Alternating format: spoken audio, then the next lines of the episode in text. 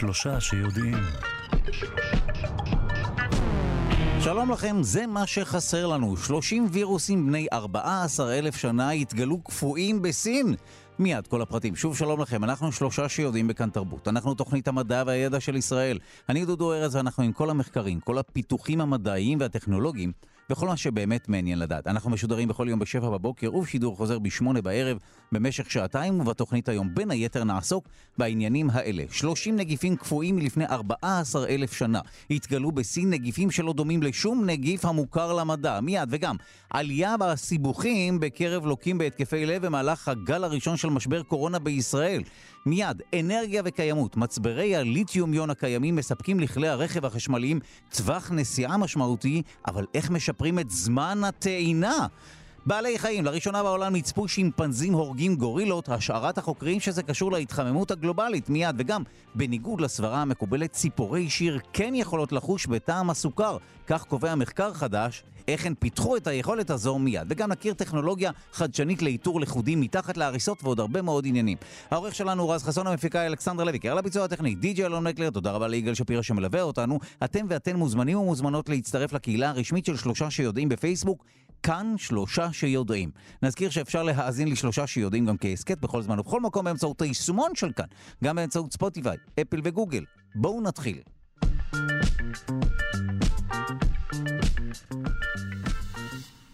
זה מה שחסר לנו. 30 וירוסים בני 14 אלף שנה התגלו קפואים. מדובר בנגיפים שנמצאו בליבות קרח שהוצאו לפני כשש שנים באזור סין. הם קפאו לפחות לפני 14 אלף שנה. הם אינם דומים לשום נגיף המוכר למדע המודרני. הדברים פורסמו בכתב העת מיקרוביום. אנחנו שמחים לומר שלום לפרופסור צביקה גרנות, אימונולוג בפקולטה לרפואה, אוניברסיטה העברית. שלום. שלום, שלום. ראשית, אנחנו מרצוננו הטוב מפשירים את הווירוסים האלה, או, ש... או, או שלא ממש? זאת שאלה, זאת שאלה אה, מצחיקה. מרצוננו הטוב, אני חושב שפה מדובר על סקרנות אה, מדעית נטו. אה, מי שהפשיר את ה... זה נקרא פרמפרוסט, אה, זה קרח שלא מפשיר. מי שהפשיר את זה, הפשיר את הקרח הזה בשביל למצוא וירוסים. הוא בעצם חיפש את זה, זה לא נמצא סתם. וכשמסתכלים על הפרסום ש... שאנחנו מדברים עליו, הכמויות של הווירוס. בדוגמה שהם לקחו היו מאוד מאוד קטנות. אז היה באמת צריך להתאמץ למצוא את זה. עכשיו, טוב, במאמר עצמו אה, מבטיחים לנו נגיפים שהמדע לא מכיר, משהו שלא דומה לשום נגיף שמוכר למדע. אז בואו קח את זה מכאן ותסביר לנו מה זה אומר. אני משער שלכל וירוס יש אה, חלקים דומים, או לפחות המבנה הכללי דומה. אז המבנה הכללי הוא דומה, זה בוודאות. זה, אני לא חושב שגם הם לא, גם הם לא אומרים שזה לא נכון, כי אחרת הם לא יודעים שזה וירוס. המבנה הבסיסי של וירוס הוא בעצם מבנה מאוד מאוד פשוט, שמסתמך על זה שהוא ייכנס לתא אחר, תא מאחסן, ישתמש במשאבים שלו כדי להתרבות. והדבר הזה הוא נכון לכל הווירוסים, ולכן אנחנו יודעים שזה וירוס. עכשיו, לגבי זה שזה וירוסים שלא מוכרים למדע, אני חושב שאפשר להגיד גם במידה רבה של ביטחון, שגם מחוץ לקרח שעומד אה, קפוא 14,000 שנים, יש וירוסים שאנחנו לא מכירים. אה, פה מדובר על מצבור של וירוסים, שזה מאוד נחמד, הם מצאו 30 אה, וירוסים בבת אחת, 30 וירוסים שונים בבת אחת. זה וירוסים שבעצם לא נאלצו להתמודד עם הסביבה, לא עברו סלקציה, אלא פשוט נשארו קיבלנו סנפשוט של מה שהיה לפני 14,000 שנים באותה, באותה סביבה אה, מאוד מיוחדת. ו- ואיזה תובנה ניתן לחלץ באמת מה, כפי שאמרת, ההקפאת במרכאות כמובן, או double meaning, המצב שלפני 14,000 שנה, מה אפשר ללמוד? אנחנו... יש, יש הרבה מאוד אה, שאלות שנוגעות לאופן שבו וירוסים עוברים אבולוציה. ואנחנו הרבה פעמים מסתכלים על מה שיש לנו היום ומנסים לנחש מה היה בעבר, מאיפה התחלנו כדי להגיע למה שיש לנו היום. עכשיו יש לנו בעצם עוד נקודת מבט מלפני 14,000 שנים, של באמת איך זה היה. אמ, ומבחינת האבולוציה של הווירוס, או מבחינת ההתפתחות, אמ, לווירוסים שאנחנו מכירים היום ושאנחנו נתקלים בהם כיום, אז יש פה הרבה מאוד אמ, הרבה מאוד סימני שאלה, ופה יש לך משהו שהוא מובהק. הנה, ככה נראה הווירוס לפני 14,000 שנים. אמ, זה מאוד מעניין לא רק מבחינה היסטורית ומבחינה מדעית, אלא גם כשאתה מבין מה עבר על אוכלוסיית הווירוסים ב-14 אלף שנים שעברו, אתה אולי יכול לצפות יותר טוב מה יקרה לאוכלוסיית הווירוסים ב-14 אלף השנים הבאות. ואם אנחנו מסתכלים על, על, על, על הקורונה שיש לנו עכשיו, אולי היה אפשר לחזות שנגיף קורונה כזה או אחר ייווצר ונצטרך להתמודד איתו כמו שאנחנו מתמודדים עכשיו. עד כמה הפשרה של נגיפים זה דבר אה, מסוכן? הם, אה, שוב, נגיפים הם לא באמת חיים, אבל כשהם מופשרים אז הם עשויים להדביק? יש להם עדיין את היכולת שיש לנגיפים שאינם אה, קפואים? אני חושב ש... דבר ראשון כן, ואני חושב שמשהו מאוד מהותי פה בהפשרה של הווירוסים שהם עשו, זה זה שהם יכלו לקחת את מה שהם מצאו בטבע, להכניס אותו למעבדה ולגדל אותו. זאת אומרת, להביא את, אמ, אמרנו בהתחלה שהתחלנו, הם מצאו כמות וירוסים מאוד מאוד קטנה, הם היו צריכים לגדל אותם, להרבות אותם, להביא למצב שאפשר יהיה לנתח את, ה, את המבנה הגנטי שלהם, ואז באמת להגיד, דומים או לא דומים לדברים שאנחנו מכירים היום. כמה זה מסוכן? אז אני יכול להגיד אה, על המחקר הספציפי הזה, שרוב הווירוסים שהם מצאו הם וירוסים שמדביקים צמחים. אז לבני אדם זה לא כל כך מסוכן, אה, אבל אין לדעת, אין לדעת. כל וירוס שאתה מוצא, צריך לתת לו את הכבוד הראוי לו ולהישמר ממנו עד שיוכח ש... לא צריך להישמר ממנו. כי במקרה הזה זו הייתה פעולה, שוב, שמדענים או חוקרים התכוונו לבצע וכולי, אבל אנחנו יודעים שההתחממות הגלובלית עשויה לגרום לסיטואציה שבה יופשרו, בלי להתכוון, אה, נגיפים, ואולי לא יהיה מדובר בנגיפים שרלוונטיים רק לצמחים, ואולי כן נגיפים שעשויים לפגוע בנו. יש תרחיש כזה, לא? זה, יש תרחיש כזה בהחלט. צריך, הם, ל... אני לא הייתי נכנס פה בשלב הזה לפאניקה, הם, בעיקר לאור העובדה שאנחנו והווירוסים עברנו את ההתפתחות שלנו ביחד, ולאורך האבולוציה שלנו נדבקנו בהרבה וירוסים, ואנחנו רואים שרידים לזה, יש כל מיני עדויות לזה. הווירוסים שמצאו עכשיו בקרקע פספסו 15 שנים של אבולוציה. אז יכול להיות שאצלנו בגוף יש מנגנונים שמתמודדים עם הווירוסים האלה בצורה נהדרת, והווירוסים שאנחנו רואים היום, שמדביקים אותנו, הם כאלה שלמדו להתגבר על המנגנונים שלנו. אלה שמצאו עכשיו בקרח, שבעצם פספסו 15 שנים של אבולוציה, לא עברו את התהליך הזה, ומאוד יכול להיות שכשאנחנו ניתקל בהם, הגוף שלנו ידע להתמודד איתם מצוין, ואנחנו אפילו לא נדע שנתקלנו בווירוס חדש. וואו, טוב, אתה הזכרת את העובדה שמדובר בנגיפים שרלוונטיים מאוד לצמחים. איזה דרך יש לצמח להתגונן מפני נגיפים? יש לצמחים סוג של מערכת חיסון, כמו לחיידקים, כמו לנו? אה, בהחלט. הדבר הכי פשוט שצמח יכול לעשות, זה פשוט לוותר על התא שנדבק. התא שנדבק מת, ובזה אה, אה, נגמר הסיפור. אבל בהחלט יש וירוסים שמדביקים צמחים, אם נדבר עם חקלאים, יש אה, מחלות שהצמחים שלהם יכולים להידבק בהם, פטריות, חיידקים ווירוסים. אה, זו התמודדות יומיומית, ואתה יודע, האנושות, וזה רק נציג אחד של, של האורגניזם על כדור הארץ, אבל גם בעלי החיים האחרים, בוודאי הצמחים, יש גם וירוסים שתוקפים חיידקים, אז גם החיידקים עוברים איזושהי אבולוציה כדי להתמודד עם הווירוסים ש, שתוקפים אותם. טוב, אז הנה אנחנו מדברים על uh, הקפאת מצב uh, בכל מובן אפשרי uh, של נגיפים מלפני 14,000 שנה. נגיפים אפשר להירגע שרלוונטיים יותר לצמחים, אבל מה שמאפשר הצצה באמת לאותם נגיפים מסקרנים ולהתפתחות של הנגיפים באופן כללי. תודה לך על השיחה הזו, האימונולוג פרופ' צביקה גרנאות מהפקולטה לרפואה, האוניברסיטה העברית. תודה. בשמחה רבה.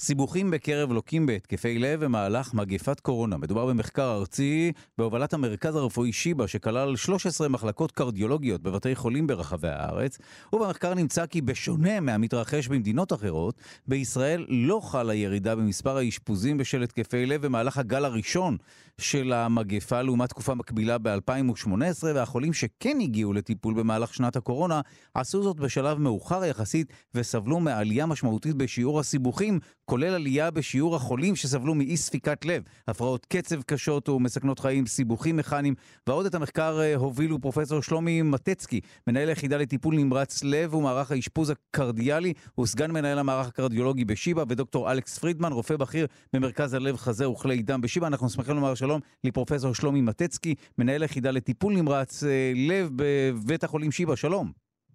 שלום ובוקר טוב. אז בוא שתף אותנו, אה, אני מקווה שתהיה יותר נהיר ממני, אני הלעטתי את המאזינים והמאזינות בשורה התחתונה, אבל בוא נתחיל מהמחקר עצמו, מה בדיוק מצאתם? הדבר הראשון אני רוצה להגיד לך שהתרשמתי עמוקות, אני לא הייתי מטיב לעשות את זה. אבל uh, ברשותך, בוא אני אספר לך קצת מאחורי הקלעים אולי של המחקר הזה, כי זה לא פחות מעניין. האמת היא שפרצה הקורונה והתשומת לב של כולם הייתה מופנית לטיפול בקורונה עצמה, שדרך אגב, אחד הדברים שלמדנו בה, כבר בימים ובשבועות הראשונים, זה שיש להם, לקורונה עצמה משמעויות קרדיאליות ו, וטרומבוטיות, אבל נשים את זה רגע בצד, למרות שזה נושא מעניין. והטריד אותנו מה למעשה קורה אה, מבחינת ההיערות, השכיחות של התקפי לב והטיפול שבהם. והסיבה לכך היא כי אנחנו יודעים שבאסונות לאומיים אחרים, כגון רעידות אדמה, התקפי טילים, ופה לישראל לצערנו הייתה אה, תרומה לספרות, יש במצבי אסון, אסונות לאומיים כאלה, משברים כאלה, יש עלייה בשכיחות של התקפי לב. מה שברור היה לנו שמייחד את המצב הזה זה שמחד, אנחנו מדברים פה באסון לאומי, כלכלי-רפואי, מצד שני, באופן ייחודי, האסון מתכנס לתוך בתי החולים, ובניגוד לאסונות אחרים. ולכן חשבנו שיהיה חשוב ומעניין לראות מה שקורה אה, מבחינת הערות והאאוטקאם, התוצאים של התקפי לב, וזה בעצם מה שאתה פירטת היטב. אוקיי, אה, אז בוא, למרות שוב הפירוט בהתחלה, אז מה זה אומר, שאנשים לקו יותר בהתקפי לב, או שלקו לא פחות והדברים הסתבכו יותר כי לא פנו? זאת אומרת, איפה גם, נמצא... אז גם, אז גם וגם וגם וגם. דבר ראשון, במקביל למחקר שלנו נעשו מספר מחקרים מתחרים, אה, ב, גם באירופה וגם בצפון אמריקה, ובכל המחקרים, או ברוב המחקרים האחרים, מה שראו שיש ירידה ב... התקפי, לכאורה ירידה בהתקפי לב, ירידה יותר נכון בפניות לבתי חולים בגלל התקף לב, והנחת העבודה שלנו שמדובר בירידה שהיא לא אמיתית, אלא בירידה שנובעת כתוצאה מכך שאנשים לא פנו להתקף, עם התקפי לב לבית חולים מתוך החשש להתקרב ולהידבק בקורונה. מה שקרה אצלנו זה שמחד, בניגוד להנחה הבסיסית שאני העליתי קודם, שיהיה עלייה בהתקפי לב בגלל אה, שמדובר באמת במשבר לאומי גדול. מאידך גם לא ראינו את הירידה שחלה במדינות אחרות, בסך הכל המספר היה even, המספר היה אה, ללא, ללא שינוי. אה, אם אני צריך לעשות מניפולציה ועם כל הזהירות, אני יכול לנחש שמספר ההתקפי לב אולי אפילו עלה, ואנחנו יודעים מדיווחים לא פורמליים שהיה רושם לעלייה בתמותה פתאומית בבית, אבל זה באמת כבר ספקולציה. העובדה היא שמספר התקפי הלב לא ירדו במדינת ישראל. מה שכן השתנה זה הזמן, בעיקר הזמן שקרה, שלקח לחולים אה, להגיע לבתי החולים. אנחנו כבר שנים ארוכות מתריעים בפני החולים אם יש ספק, אין ספק, ואם יש ספק תגיעו לבית חולים, כי זמן ההגעה הוא פקטור וחשוב מאוד בתוצאים, בכמה אנחנו יכולים לעזור לחולה שלוקה בהתקף לב, ולצערנו, וזה בוודאי לא מפתיע, אנשים הגיעו משמעותית יותר מאוחר, השתהו יותר בבתים. זה דבר אחד.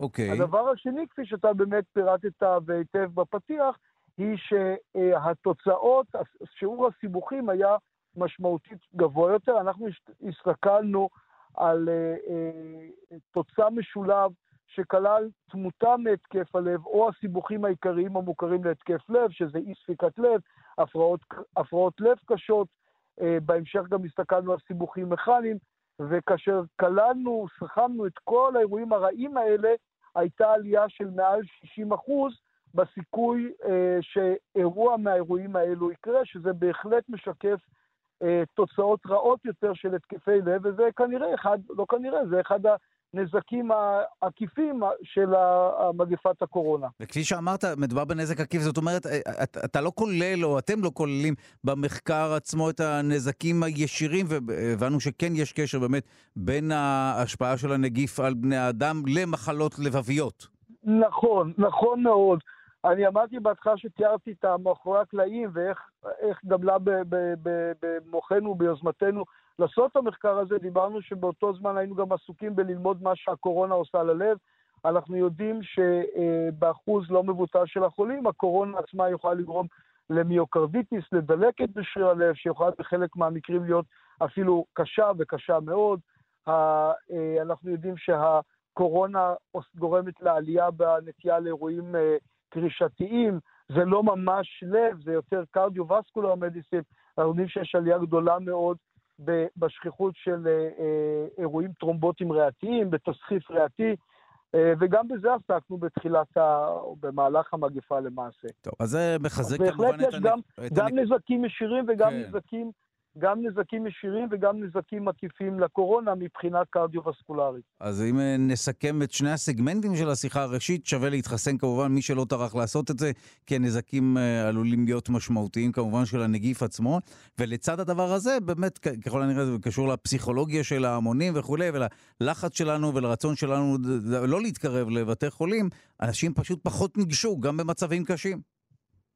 אני חושב שזה לא רק ברשותך, אולי כמילת סיכום, או משפט סיכום, אני חושב שהלקח שצריך, א', לגבי האנשים, כן, צריך לדעת שבבתי החולים השכילו אה, להפריד אה, הפרדה טוטאלית בין חולי הקורונה לבין אה, אה, החולים שאינם חולי קורונה, ולכן אני חושב שבניגוד לחשש הטבעי שהיה אצל כל אחד מאיתנו, אה, להתרחק מבתי החולים, גם לנו כצוות רפואי, אני חושב שצריך לזכור שהחשש הזה הוא לא מוצדק, ובמרכאות לא הוכיח את עצמו.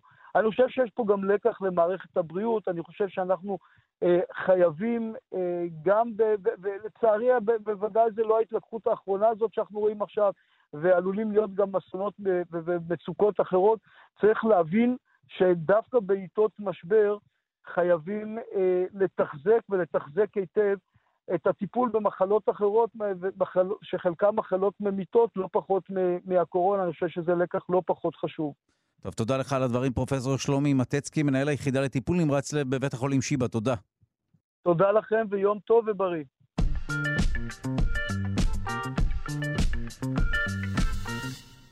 מצברי ליתיומיון ויוצאים מהפקק. מצברי הליתיומיון הקיימים מספקים לכלי רכב חשמליים טווח נסיעה משמעותי, אבל מהירות הטעינה עדיין מהווה צוואר בקבוק משמעותי. תהליך טעינה יעיל שלא פוגע באיכות הסוללה לוקח עד כשמונה שעות, הרבה יותר מתדלוק רגיל כמובן, וכאן נכנס לתמונה מחקר של אה, מומחים מישראל ומגרמניה, שמצביע על אפיקים אפשריים לפריצת דרך בתחום הזה. הכותבים המובילים של אותה סקירה הם פרופסור יאיר עין אלי והמשתלמת לדוקטורט רונית נטשה לוי מהטכניון ופרופסור יורגן יאנג ודוקטור מנואל וייס מהמכון לכימיה פיזיקלית מגרמניה. הסקירה פורסמה בכתב העת Advanced Energy Materials. אנחנו שמחים לומר שלום לדוקטורנטית נטשה רונית לוי, דוקטורנטית בתחום פיתוח סוללות לאגירת אנרגיה מהפקולטה למדע והנדסה של חומרים בטכניון. שלום.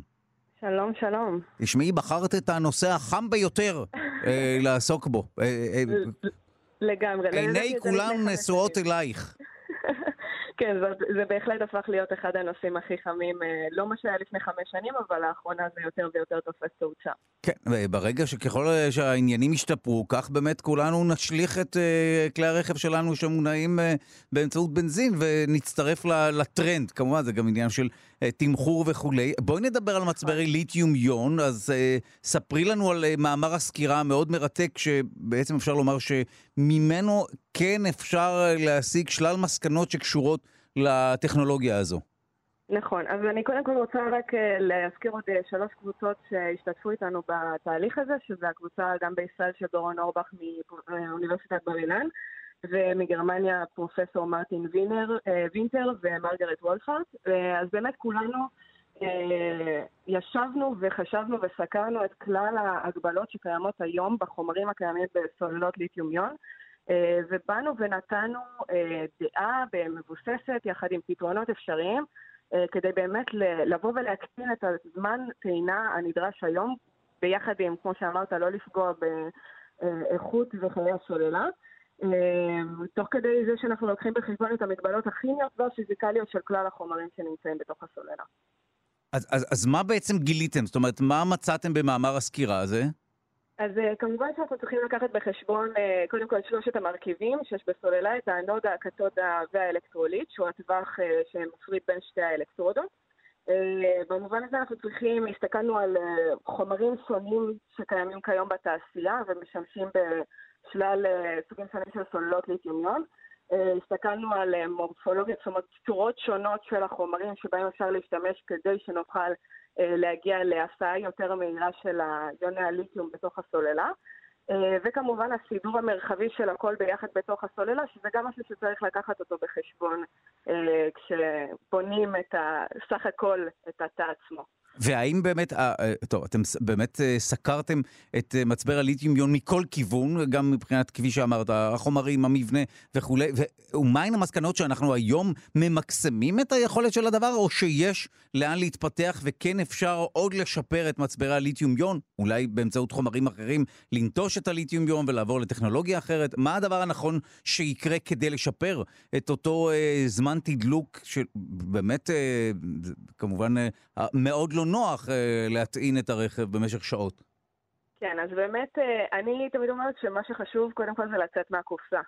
אה, אז אה, יש לנו את הסוללות ליתיומיון, וחש... ויש לנו עוד המון לאן להתפתח, בין אם זה אומר מבחינת הצורות שאנחנו יכולים להנדס את החומרים שלנו ככה שיהיה יותר קל להגיע, זאת אומרת, בין ה... האזורים הקשים לנו למעבר זה יוני ליתיום שצריכים לעבור מחומר מוצק אחד לנוזל וחזרה לחומר מוצק. כל הדברים האלה אפשר לעכל את התהליכים האלה על ידי בחירה של צורות מיוחדות. ננו חומרים זה משהו שאנחנו שומעים עליו הרבה, וכן חשוב שנתחיל להשתמש בו יותר ויותר. Uh, כמובן ששילוב של חומרים שונים ביחד ייתן לנו uh, ביצועים אפילו טובים יותר. וכמו שאמרת, גם אפילו לעזוב את הליתיום, אה, זאת אומרת, יש המון קבוצות שחוקרות עכשיו חומרים חדשים כמו אה, נטרן ומגנזיום, אה, באותן פעולות כמו הליתיום-יון, זאת אומרת נטרניון ומגנזיום-יון, ויש המון פיתוחים חדשים גם בתחום הזה, אז לאו דווקא להתקבע על חומר אחד, זה גם משהו שהוא מאוד מאוד חכם וחשוב. וואו, עכשיו, טוב, אנחנו מדברים פה על uh, מאמר סקירה, נכון? או מחקר סקירה, mm-hmm. מה שנקרא. על, מה המשמעות של זה למי שלא מכיר את הפורמט הזה? אז בעצם מאמר סקירה נותן לנו את האפשרות, ברגע שאנחנו פונים למאמר סקירה ולא עכשיו מחפשים uh, מאמרים באופן כללי בתחום, מאמר הסקירה בעצם נותן לנו איזושהי, איזשהו תמצות, שבמקרה שלנו יכול להגיע אפילו ל-200-300 מאמרים ביחד. אה, וככה אתה יכול להיחשף לכל הפיתוחים ולכל הטכנולוגיות החדשות שקיימות בתחום עד אה, רגע הוצאת המאמר, אה, ובכל, זאת אומרת, בכל מרכיבי הסוללה. זה מה שנותן המאמר הזה. בעצם מישהו שיבוא וייחשף למאמר ידע כמעט את כל החידושים שקיימים עד היום בנושא של ליתיומיון, וכמובן ביישום של ה-fast charging, זאת אומרת של הטעינה המהירה, תוך התמקדות בזה. ש- שזה באמת השורה התחתונה, או כרגע הצוואר הבקבוק או נקודת התורפה של הטכנולוגיה הזו. אז כמי שבאמת אה, גם ערכה את המחקר הזה וכתבה את מאמר הסקירה וגם חיה את הנושא הזה, איך את רואה את העתיד בכל מה שקשור למהירות טעינה? אז uh, בעבר היינו מדברים על זה שיש שתי בעיות. הראשונה הייתה uh, טווח, הת... טווח הנסיעה שהסוללות ליתיומיון uh, מאפשרות לנו, וכמעט ואף אחד לא תיאר לעצמו שזה משהו שנצליח להתגבר עליו, ועובדה שזה קרה. אה, וכיום הבעיה השנייה זה כמובן מהירות הטעינה, שהרבה אנשים ממש לא רוצים לשבת אפילו לא רבע שעה, חצי שעה אה, בתחנת הדלק אה, ולבזבז את הזמן נגיד. וכמובן שאני צופה שאנחנו נראה הרבה פיתוחים בנושא הזה. יש המון חברות, גם ישראליות, שעובדות לכיוון המטרה הזאת. כמעט כל חברת רכב בימינו מנסה לפתח טכנולוגיות מתקדמות בנושא הזה, וזה רק עניין של זמן לפי דעתי. טוב, אה, נשמע מסקרן מאוד, ובאמת, כפי שאנחנו מבינים, עתיד התחבורה, אה, גם הציבורית אה, וגם הפרטית, מה שיישאר ממנה, יעבור דרך המצברים הללו, הטכנולוגיות האלה. אנחנו מודים לך על השיחה הזו, הדוקטורנטית נטשה רונית לוי, דוקטורנטית בתחום פיתוח סוללות לאגירת אנרגיה מהפקולטה למדע והנדסה של חומרים בטכניון. תודה לך. תודה רבה לכם.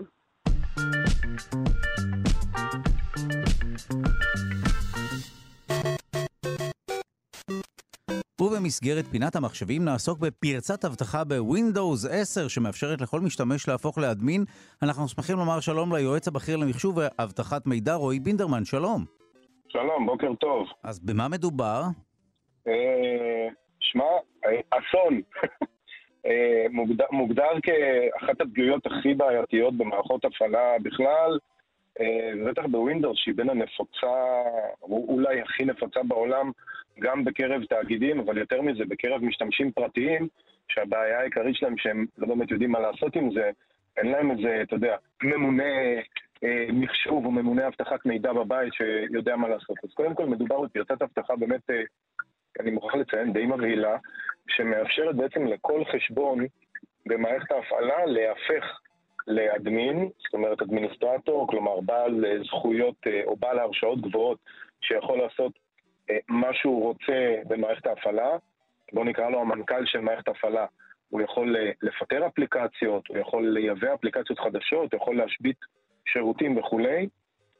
אה, זו תמיד אה, בתקיפות, כאשר האקרים תוקפים מחשבים, תמיד זו השאיפה הראשונה שלהם להשיג הרשאות גבוהות, כלומר של אדמיניסטרטור, על מנת אחרי זה לעשות מה שהם רוצים במערכת ההפעלה. למשל, לנטרל את תוכנות ההגנה, למשל, mm. להתקין כל מיני דברים שהם רוצים כדי להשתמש בהם, כלומר, נגיד סוסים טרויאנים, זה מה שהם רוצים להתקין, כדי אחרי זה, אתה יודע, אה, לשלוט במערכת הקבצים, לפתוח אה, מצלמה ומיקרופון אם יש, אה, להעביר קבצים ממקום למקום וכולי. אז הפגיעות בעצם נמצאת בתוך, בתוך Windows מסורתית, כבר משנת 95 יש מקום שנקרא רגיסטרי, שזה בעצם מערכת קבצים נגישה למשתמש, אבל היא לא אינטואיטיבית כמו שאנחנו בדרך כלל מכירים אותה, ומערכת הקבצים הזו בעצם מאכלסת אה, כל מיני קבצים בפורמט שווינדוס קוראים להם Keys, מפתחות, והדבר הזה בעצם אה, מגדיר את כל התצורה של המחשב, החל מתצורת הרשת שלו, אה, כמות המשתמשים, הרשאות המשתמשים, איזה אפליקציות מותקנות, מה ההרשאה של כל אפליקציה וכולי וכולי. הדבר הזה נמצא באמת, הוא, הוא ויזואלי לעין בתצורה של ספריות, אוקיי? והוא נמצא בכל מערכת הפעלה, רק שהתפעול שלו הוא פחות אינטואיטיבי ממה שאנחנו מכירים. זה לא שיש שם איזה כפתור ימני או כפתור שמאלי. לכל, לכל קובץ כזה יש, יש ערך אה, שכתוב בפורמט, אה, שנקרא מאוד מוזר לעין של בן אדם אה, רגיל, ו, ודרך הדבר הזה אפשר לשלוט בעצם ב, במהות של המחשב. עכשיו, הפגיעות נמצאת שם, ובעצם מה שקורה זה שנוצר איזשהו מין עותק של, אה, של כל המשתמשים, אה, כולל העותק של האדמין, והוא נגיש אה, לעריכה, מה שאגב לא אמור להיות במה שנקרא כברירת המחדל. ברירת המחדל, הדבר הזה שנקרא רגיסטרי, אמור להיות נגיש לעריכה רק למנהל של המחשב, רק לאדמיניסטרטור. אז, אז זו בעצם הפגיעות. Windows מצאה את זה, היא גם הכריזה על זה, זה לא שהיא החביאה את זה, והם עוד לא, מה שנקרא, פצ'פצ'ו את זה, זאת אומרת, הם עוד לא שלחו פאץ' תיקון, אה, אז כרגע מערכות קצת חשופות. אה, האמת שזה מסוג הדברים שלא אה, לא צריך ממש להילחץ מהם, כי זה לא שכל שנייה כל אחד פה תוקפים אותו וכולי, צריכים להיות מודעים לזה, מה שצריך זה באמת לעקוב בימים הבאים אחרי הפרסומים של מייקרוסופט, וגם לבדוק, הכי טוב זה לבדוק במחשב זה כזה, מסתכלים למטה בסמל של Windows, לוחצים עליו, ואז יש גלגל שיניים, לוחצים עליו, ואז מחפשים שם, או בעברית כתוב עדכונים, או באנגלית updates, אה, פשוט אה, ללחוץ על זה ולבדוק ככה פעם ביום מה קורה שם. אני מניח שמייקרוסופט תשחרר פאץ' בימים הקרובים, אם לא היום-מחר, אה, מכיוון שעוד פעם, בסוף המהות של הפגיעות הזו, זה בעצם הדבר הכי קריטי במערכות הפעלה. לא משנה אם קוראים לזה desktop, mobile, שרת, בסוף יש שם, יש administrator שבעצם אפשר להגיע אליו די בקלות מכל משתמש רגיל.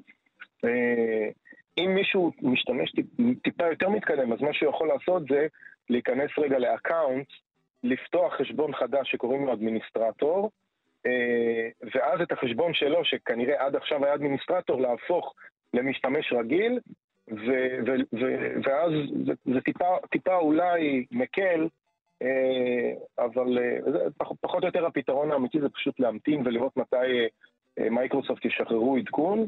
שוב, מדובר בפגיעות מאוד נדירה, מאוד מאוד נדירה, אבל זה קורה לפעמים. ואיך יודעים, איך עולים על דבר כזה? בדרך כלל מה שקורה זה, או שיש ככה, היום בכל, בכל חברה כזו גדולה, בטח במייקרוסופט, יש צוות של security, שהוא בעצם אחראי כל הזמן על מחקר של כל רכיבי מערכת ההפעלה, מרמת הדרייברים שלה ועד האפליקציות שלה. בנוסף, יש כל מיני חברות ומכוני מחקר מדעיים אקדמיים שעושים כל הזמן מחקרים. registry, אגב, במערכת הפעלה Windows זה דבר שחוקרים אותו לאורך שנים רבות, לדעתי עוד פעם, מאז שהוא נוצר, זה איפשהו מ-95 או 93, ו- וככה זה מתפרסם, זאת אומרת, יש, יש שם המון מחקרים בעולם של security שמתבצעים באוניברסיטאות, נגיד כמו MIT וברקלי וכולי, בחברות גדולות כמו מייקרוסופט וגוגל, ובכלל בכל מיני ארגונים, וככה מוצאים את זה. זאת אומרת, זה לא אקראי, הנושא הזה שפתאום, אתה יודע, יש נחשול של תגליות אבטחה בעולם, זה לא שיש פשוט יותר פרצות, זה לא נכון. פשוט המתודולוגיה של מחקר אבטחת מידע הפך בשנים האחרונות למשהו הרבה יותר מסודר, הרבה יותר זמין לאחרים, הוא הרבה יותר נדרש היום כי חברות בוא, עושות מזה כסף, ולכן אנחנו זוכים, לכאורה, להרבה יותר מחקרים ואנחנו מגלים יותר פרצות. זה נשמע לכאורה מפחיד, אבל זה בעצם לא, כי כל פעם שמגלים כזה דבר, מתוך הנחה שרוב המחקרים נעשים על ידי גופים לגיטימיים, גם מהר מאוד מתקנים את זה. כן. אז בעצם שכרנו הוא, הוא יוצא בשכרנו. אנחנו לא מפסידים מזה, אנחנו מרוויחים מזה. גם מודעות, גם בסוף תיקונים שכנראה בלי המחקרים האלה לא היו קורים, ויותר קבוצות תקיפה היו מנצלות את זה ל... לרעתנו. אז בשורה התחתונה צריך לעדכן את כן, מערכת כן. ההפעלה כמובן. כן, ובימים הקרובים עוד פעם ככה, פעם ביום לבדוק אם יש עדכונים, אני מניח שיפשפשו את זה מהר מאוד. תודה לך על הדברים. היועץ הבכיר למחשוב ואבטחת מידע, רועי בינדרמן, תודה. ביי ביי, יום טוב.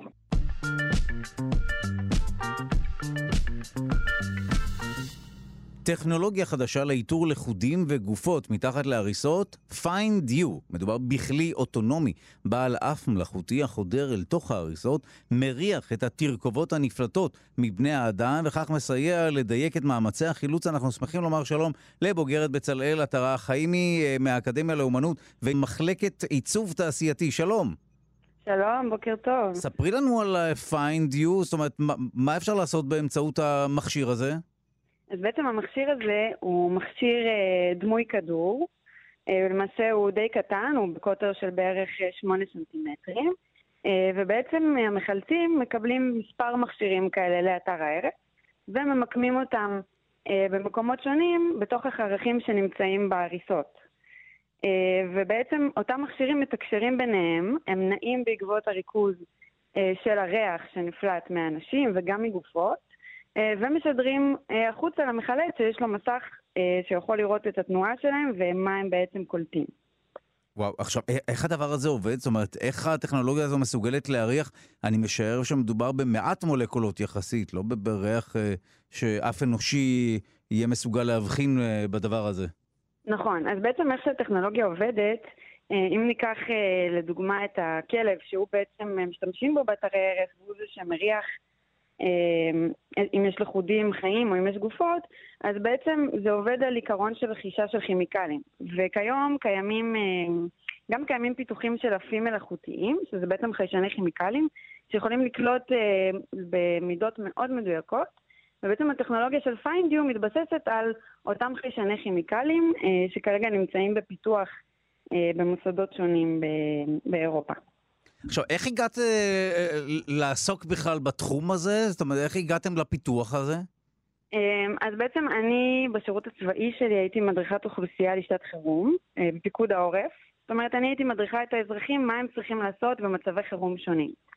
אה, ואחד מהדברים שהייתי אומרת להם זה במקרה שאתם לכודים מתחת להריסות, אתם צריכים להקיש ולא לצעוק. אתם צריכים לדפוק על איזשהו ברזל או על משהו כדי, וכדי לא לבזבז את האוויר שלכם. Mm. ובתור מעצבת תעשייתית הבחנתי פה איזושהי הזדמנות, איזושהי בעיה שאני קוראת לה הזדמנות, אה, שיש פה משהו ש, שאפשר לעזור פה, אפשר להתערב פה, אפשר לסייע. אה, והחלטתי ללכת בכיוון הזה, בפרויקט הגמר שלי. וואו, טוב, אה, לגמרי מרשים. אז בואי נחזור לטכנולוגיה עצמה. מדובר בכמה מכשירים שאנחנו ממקמים על אותם חריכים שנוצרים כשבניין נהרס וכולי, ואז הזכרת את העובדה שלא רק שהם מסוגלים לאתר ריחות שבין היתר נפלטים, או מולקולות שנפלטות מבני אדם חיים או לצערנו מתים, אלא הם גם מתקשרים ביניהם. בואי נדבר על התקשורת הזו. נכון, אז בעצם התקשורת הזאת, אה, היא מתבצעת באמצעות איזשהו אלגוריתם שיהיה מובנה בתוך המעבד. הטכנולוגיה הזאת עדיין, אני לא פיתחתי אותה עד הסוף, זה משהו שמהנדסים צריכים לטפל בזה, אבל זה כן קיים, כן יש מכשירים אה, שמתקשרים ביניהם.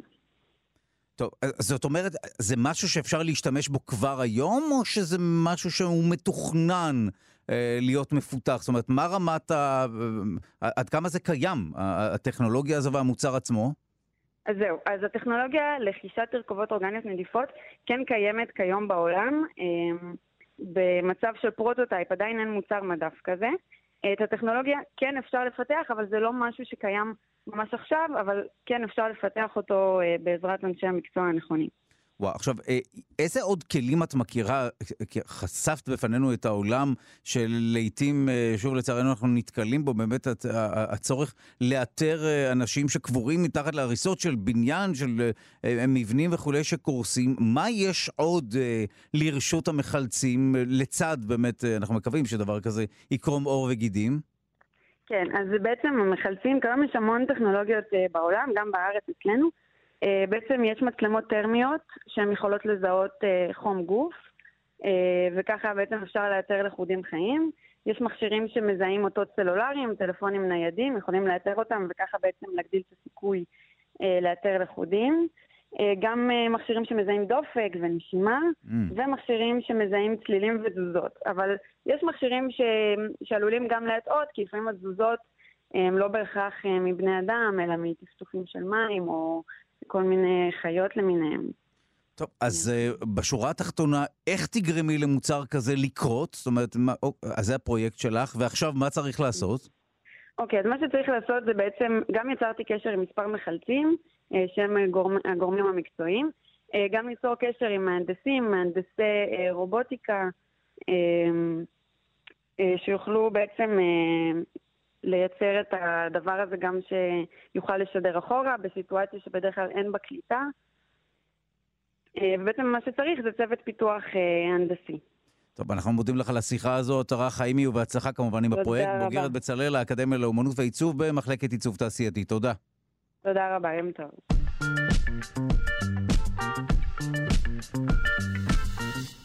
נמצא קשר בין חשיפה כרונית למזהמי אוויר בערים ויישובים בישראל ומצבן הדמוגרפי והסוציו-אקונומי לבין התחלואה בקורונה לאורך שלושת גלי התחלואה. אנחנו מיד נבין את אה, מהות המחקר החדש של דוקטור עדי לוי ודוקטור זוהר ברנט, אה, מחקר שפורסם בכתב העת Environmental Research. אנחנו שמחים לומר שלום לדוקטור עדי לוי, מנהל מדעי באגודה הישראלית לאקולוגיה ולמדעי הסביבה, ראש החטיבה לסביבה וקיימות במכללה האקדמית אחווה ועורך המחקר. שלום.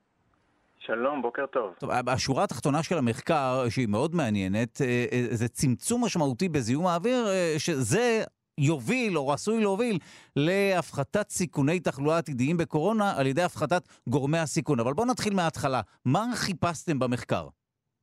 אוקיי, okay, אז השותף שלי במחקר, דרך אגב, דוקטור זוהר ברנט יצחקי מהמרכז האקדמי רופין, רק נתקן.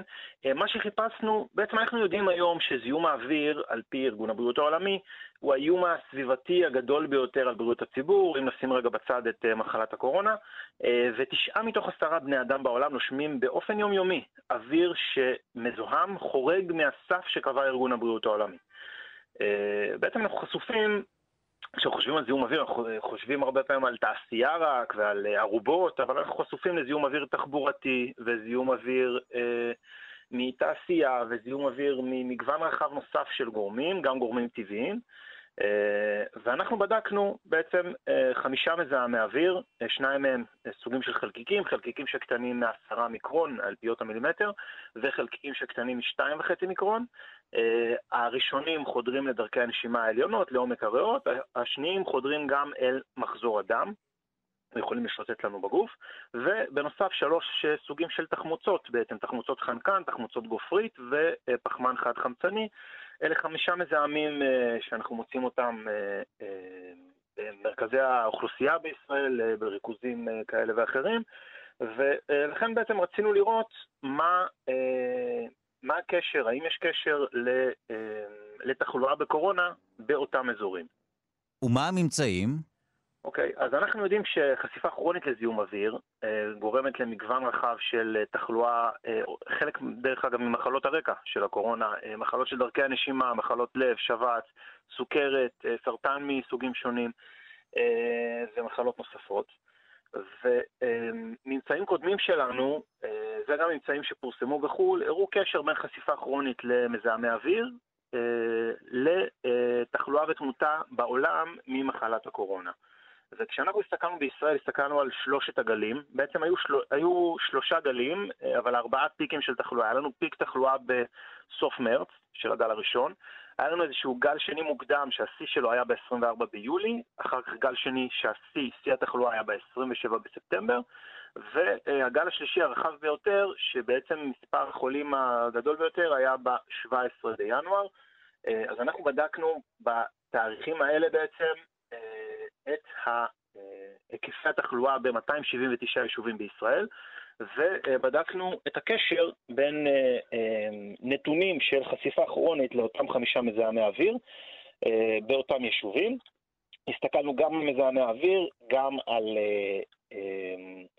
על אשכול סוציו-אקונומי, אה, על אחוז זכאות לבגרות, על גודל האוכלוסייה. טוב, זה הרבה מאוד אחוז... גורמים שבדקתם, כל אחד מהם, אנחנו נשמח כמובן שתסביר לנו איך הוא עשוי להיות קשור לסיכוי לחלות אה, בצורה קשה בקורונה. אוקיי, אז הסתכלנו גם על הגידול הטבעי של היישובים וגם על הצפיפות, ואיך זה קשור. אוקיי, אז אה, אז בעצם ההשערה שלנו הייתה שנמצא תחלואה גבוהה יותר בקורונה, היכן שכמובן זיהום האוויר יהיה גבוה יותר, וביישובים שבהם הצפיפות תהיה גבוהה יותר והדירוג הסוציו-אקונומי יהיה נמוך יותר. יש לא מעט ממצאים מהעולם, מארצות הברית, לגבי אוכלוסיות בדירוג סוציו-אקונומי נמוך יותר, ששם התחלואה היא גדולה יותר מבאוכלוסיות אה, מבוססות יותר. אה, ובאמת כשבדקנו את הקשר, אז מצאנו מתאם, מצאנו קשר בין אה, הריכוז של חמשת המזהמים אה, לבין היקף התחלואה ביישובים בישראל, לאורך בעצם שלושת הנקודות הראשונות שבדקנו, במהלך הגל הראשון ובשתי הנקודות שבדקנו במהלך הגל השני של שיא התחלואה. בגל השלישי, לעומת זאת, ראינו שהקשר לזיהום האוויר כבר לא, לא קיים ב, אה, ב, בנתונים, בעצם רואים שהקשר הזה נעלם בגל השלישי. ופה עולה השאלה באמת, למה? מה, נכון. מה החליף אותו? אז אה, מה שעוד ראינו, ב, כשהסתכלנו על הפרמטרים הסוציו-אקונומיים והדמוגרפיים, וה, ראינו ששני דברים היו אה, סיגניפיקנטיים בגל השלישי. אחד זה הנושא של אה, אה, cluster או, או אה, אשכול סוציו-אקונומי אשכול סוציו-אקונומי נמוך, משמע אה, יותר תחלואה, וגם ביישובים שבהם הייתה יותר תחלואה, אלה יישובים שהיה בהם גידול טבעי אה, גדול יותר. בעצם אה, גם בתי אב גדולים יותר וקצב גידול טבעי גדול יותר, בדרך כלל זה ילודה ולא הגירה. ו... לאורך, ה... גם כשעשינו חלוקה, חילקנו את הערים לערים אדומות, אלה שהיו בשליש העליון של התחלואה, וערים ירוקות, אלה שהיו בשליש התחתון של התחלואה, ראינו דבר דומה, ראינו uh, קשר uh, לזיהום אוויר בשלושת הגלים הראשונים, ש, uh, סליחה, בשלושת הנקודות הראשונות, שני הגלים הראשונים, כשבגל השלישי, שוב, עבד הקשר לנושא זיהום האוויר, ובעצם uh, התמונה הכללית הייתה, כשהייתה תחלואה נמוכה בינונית בישראל, ההשפעה הייתה, ההשפעה לחשיפה ארוכת טווח לזיהום אוויר הייתה משמעותית, וכשראינו תחלואה מאוד מאוד גבוהה, מאוד רחבה, הגורם המשפיע יותר היה גורמים סוציו-אקונומיים ודמוגרפיים. ונשאלת השאלה למה, קודם כל, למה זיהום אוויר משפיע כמו שהוא משפיע, ולמה דווקא בגל השלישי אנחנו רואים גורמים סוציו-אקונומיים ודמוגרפיים.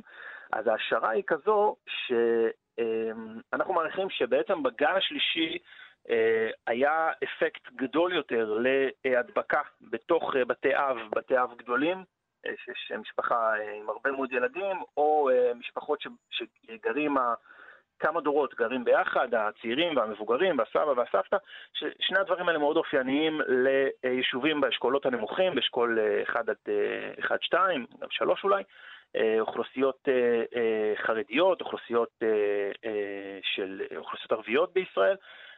זה מאוד נפוץ אצלהם, ולכן אנחנו חושבים שבמהלך הגל השלישי הייתה תחלואה כל כך נרחבת שהאפקט הזה של הדבקה בתוך בתי האב היה אה, משמעותי מאוד ומיסך לנו את הנושא של זיהום האוויר. בנוסף, היו גם חיסונים שניתנו לאוכלוסייה המבוגרת בהתחלה, אותה אוכלוסייה שהיא הרגישה ביותר לזיהום האוויר, ככה שהיא קיבלה הגנה בשלב הזה כבר. אז כנראה שאלה הגורמים שמיסכו לנו את הקשר לזיהום האוויר בגל השלישי.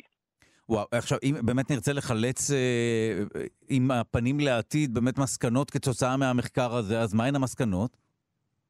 אוקיי, אז קודם כל, אה, צריך להמשיך ולבדוק מה המנגנונים, איך זה, איך זה בעצם קורה, מה הקשר לזיהום האוויר. אה, אה, אז אנחנו, יש שלוש השערות, אחת מדברת על פגיעה בתאי האפיטל הריסניים בדרכי הנשימה, בעצם היכולת שלנו לסלק החוצה מזהמים באמצעות הריסים והפרשת אה, פוחתת, יודעים את זה ממחקרים שנעשו. לגבי זיהום אוויר, עוד אופציה היא הקאה חמצונית, בעצם תגובה דלקתית שגורמת לרגישות יתר לפתוגנים כשאנחנו חשופים לזיהום אוויר. ואופציה שלישית שהועלתה בתקופה האחרונה זה נושא בעצם של אה, וירוסים שלוקחים טרמפ על חלקיקים, זיהום אוויר חלקיקי. אה, שנמצא באזור שיש בו ריכוז וירוסים גבוה, הווירוסים אולי יכולים לקחת טרמפ ולחדור לעומק הריאות אה, בקלות יותר על גבי החלקיקים. ואלה המנגנונים שצריך להמשיך ולבדוק אה, מי מהם, אם בכלל, אה, קשור לנושא הזה, אבל אנחנו מהמחקר הזה מבינים בעצם דבר אחד, אנחנו מבינים שיש לנו גורם שבעולם הורג 4.2 מיליון בני אדם מדי שנה בטרם עת, בישראל כ-2,000 בני אדם שמתים בטרם עת, זה זיהום האוויר.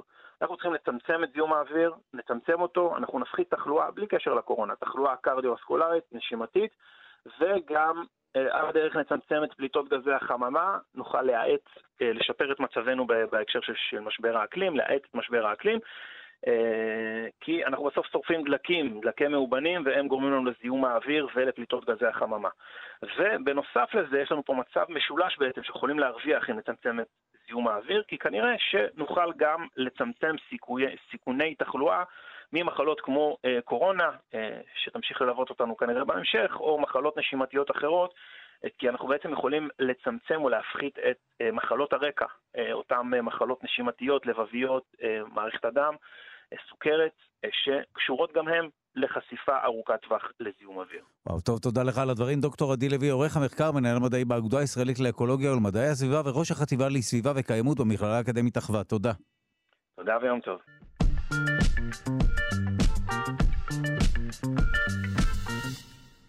אבותיהן של ציפורי השיר פיתחו יכולת לחוש בטעם הסוכר, לטעום סוכר. בניגוד לסברה המקובלת, ציפורי שיר כן יכולות לטעום סוכר, כך קובע מחקר חדש שנערך על ידי צוות חוקרים בינלאומי ופורסם בכתב העת סייאנס, על אף שציפורי שיר הן צאצאיהן של הדינוזאורים אוכלי הבשר וחסר להם חלבון מפתח המאפשר לטעום סוכר. על פי המחקר, בשלב די מוקדם פיתחו אבותיהן של ציפורי השיר יכולת לטעום סוכר, לאכול סוכר, והיא קיימת אצלן עד היום. אנחנו שמחים לומר שלום לדוקטור ערן לוין מבית הספר לזואולוגיה, הפקולטה למדעי החיים, אוניברסיטת תל אביב מוזיאון הטבע על שם שטיינהרט, שלום. שלום, לא, נגמר לנו הזמן כבר בכל הקרדיט הזה. תשמע, אני מקבל את הנזיפה על הפתיחים הארוכים. אני בדרך כלל רוצה אה, לייצר מצב שבו אנשים, גם אם הם לא הבינו את מהלך השיחה, הם יבינו, לפקס את, ה, את העניין עצמו, אבל אה, בגלל שהקול שלי מונוטוני, אני מניח שאנשים שמעו שמדובר פחות או יותר בקשר בין ציפורים לסוכר, ובוא, קח את זה מכאן. האם, מה, ציפורים לא אוכלות סוכר, או חשדו שהן לא אוכלות סוכר? תראה, קודם כל יש כאן אה, דבר מאוד אה, שאנחנו מתעלמים ממנו, אבל אה, אנחנו כל הזמן מנסים להבין את העולם ולהבין איך, איך, איך החיות חוות את העולם. וזה דבר מאוד מאוד מסובך, אפילו קשה לנו להבין איך אנשים אחרים חווים את העולם סביבנו.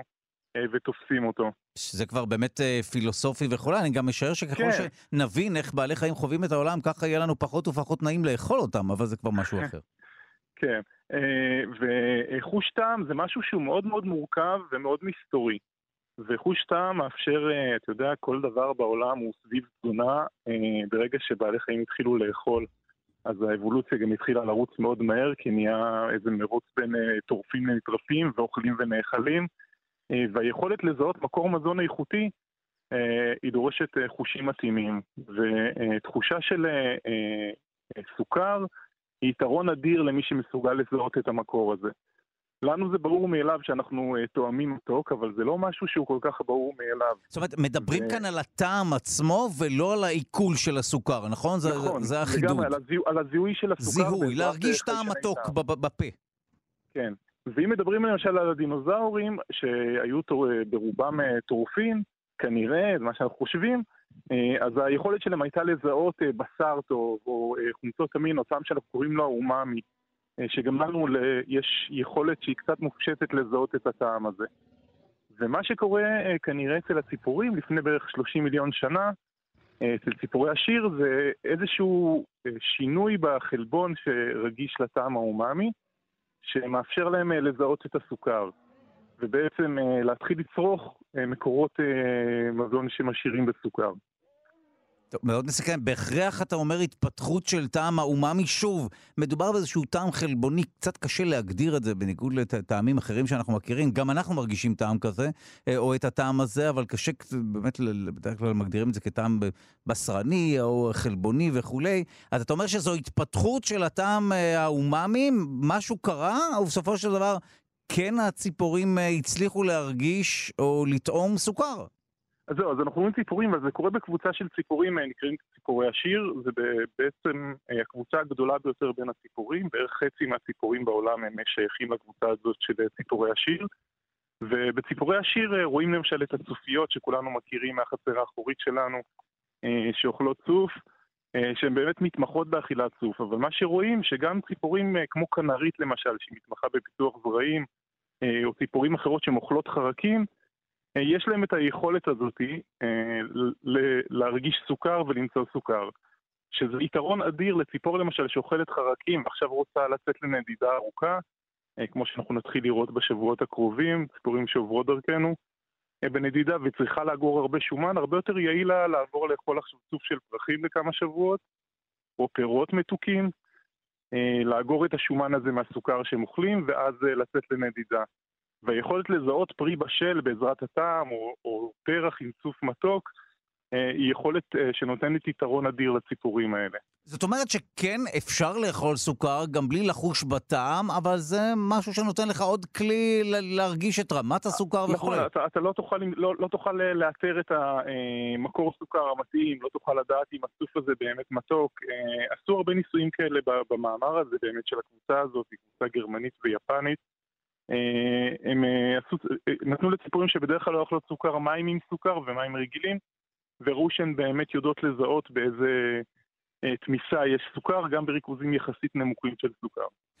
עכשיו, מה קורה אצלנו היונקים? זאת אומרת, איך אנחנו פיתחנו את היכולת הזו? הרי זה אחד הדברים המהותיים בבני, נכון, ביונקים אנחנו, בכלל. בני אדם אנחנו מכורים למתוק, ובאמת יש לנו יכולת מדהימה לזהות מתוק ולזהות אה, אה, ככה פירות בשלים או מזון מתוק. אבל למשל חתולים או דפינים שהם ניזונים אך ורק מבשר, אין להם בכלל יכולת לזהות מתוק. מי שנותן לחתול שלו אה, שוקולד או משהו כזה, פשוט מבזבז את השוקולד. החתול לא מסוגל להרגיש או ליהנות אה, מהטעם המתוק של המזון. הפסיקו להאכיל בשוקולד את החתולים שלכם. כן. זה בזבוז של, של ניואנסים שהם לא מבינים. אה, כן, וזה חלק מהם, שוב, מאיך אה, תופסים את העולם דרך החושים, וזה, המדע מנסה לראות את העולם בעיניים של החיות, והידע הזה וההבנה של איך הרצפטורים ואיך החושים עובדים, בעצם עוזרת לנו להבין את זה. עכשיו, לגבי הציפורי השיר, באמת התיאוריה אומרת שהם התפתחו באוסטרליה לפני בערך 30 מיליון שנה, ומאוסטרליה לבערך 20 מיליון שנה הם התחילו לנדוד לשאר היבשות. אוסטרליה בתקופה הזאת הייתה מלאה בעצי אקליפטוס, שעצי אקליפטוס הם עשירים בצוף, וגם יש עליהם הרבה כנימות אה, או חרקים קטנים שמייצרים הפרשות מתוקות. וכנראה הציפורים, אה, ציפורי השיר הראשונות שהתפתחו באוסטרליה פיתחו את היכולת הזאת, וככה הם התפשטו מאוסטרליה לכל העולם, והיכולת הזאת כיום מצויה גם בציפורי השיר אצלנו. טוב, אה, אה, מאוד מסקרן, והנה, לא טריוויאלי בכלל שלא כל בעלי החיים מרגישים בכלל את הטעם הזה. אה, אולי אפילו רוב בעלי החיים לא מרגישים וואו. את הטעם הזה. טוב, זה משפט שעוד יותר קשה לעכל, במיוחד כן. עבורנו. טוב, תודה לך על הדברים המרתקים, דוקטור ערן לוין מבית הספר לזואולוגיה, הפקולטה למדעי החיים באוניברסיטת תל אביב, ומוזיאון הטבע על שם שטיינהר. תודה. בשמחה.